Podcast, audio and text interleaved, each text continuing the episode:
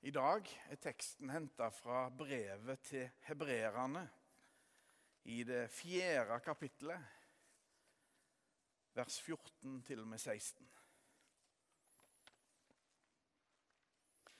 Siden vi har en stor øverste prest som har gått inn gjennom himlene, Jesus, Guds sønn, så la oss holde fast ved bekjennelsen.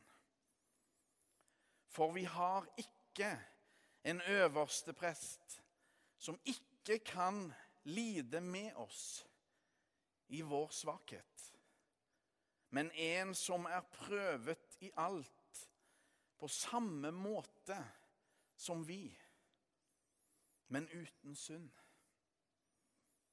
La oss derfor frimodig tre fram for nådens trone, så vi kan finne barmhjertighet og finne nåde som gir hjelp i rette tid. Slik lyder Herrens ord. En fullstendig kjennskap, en fullkommen nærhet til oss alle. En øverste prest som lider med oss, og som går sammen med oss. Det er det forfatteren av hebreerbrevet skriver om. Og så vet ikke vi hvem denne personen som har skrevet dette brevet, er. Men vi vet at dette brevet henvender seg til mennesker med jødiske bakgrunn. Derav navnet. Brevet til hebreerne. Hebraisk, altså. Og I dette brevet pekes det tydelig på Jesus som Messias, den salvede kongen. En øverste prest som vet alt om oss, og som vet hva det vil si å være menneske. Jesus er Guds sønn, prøva i alt, men uten synd. Uten bomskudd. Og så dreier han seg altså òg i aller høyeste grad om Jesus Kristus, vår Herre. Den salmen vi synger i begynnelsen og slutten av denne onsdagsgudstjenesten i år. Hill deg, frelser og forsoner.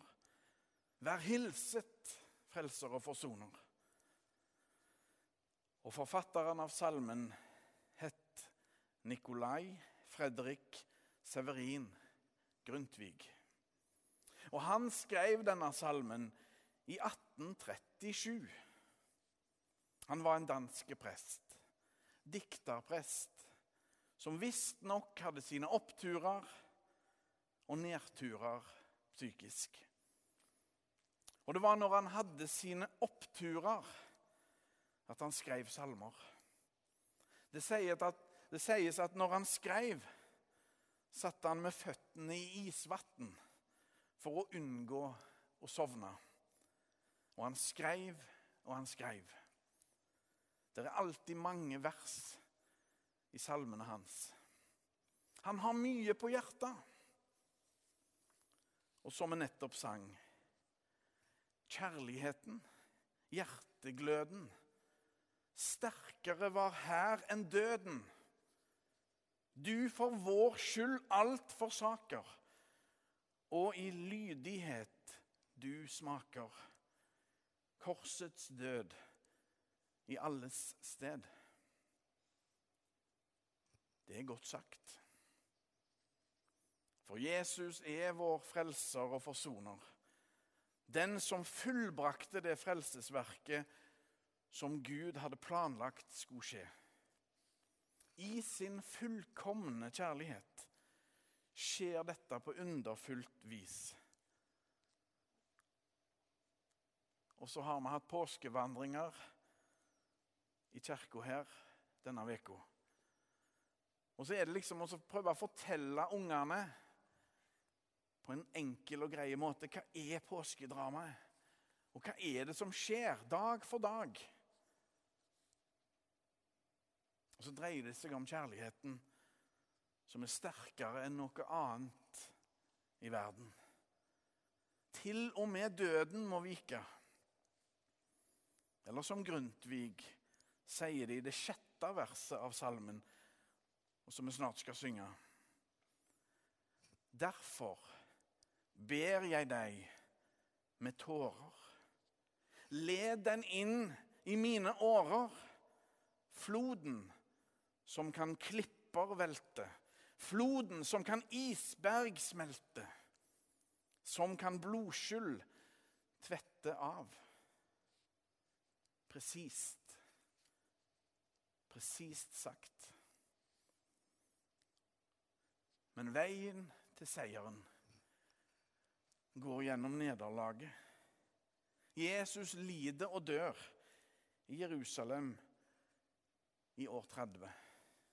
Eller 33, for den saks skyld. Jeg er ikke helt sikre. Jeg leste nettopp at Romerkirka regnet den 3. april år 33 som langfredagen.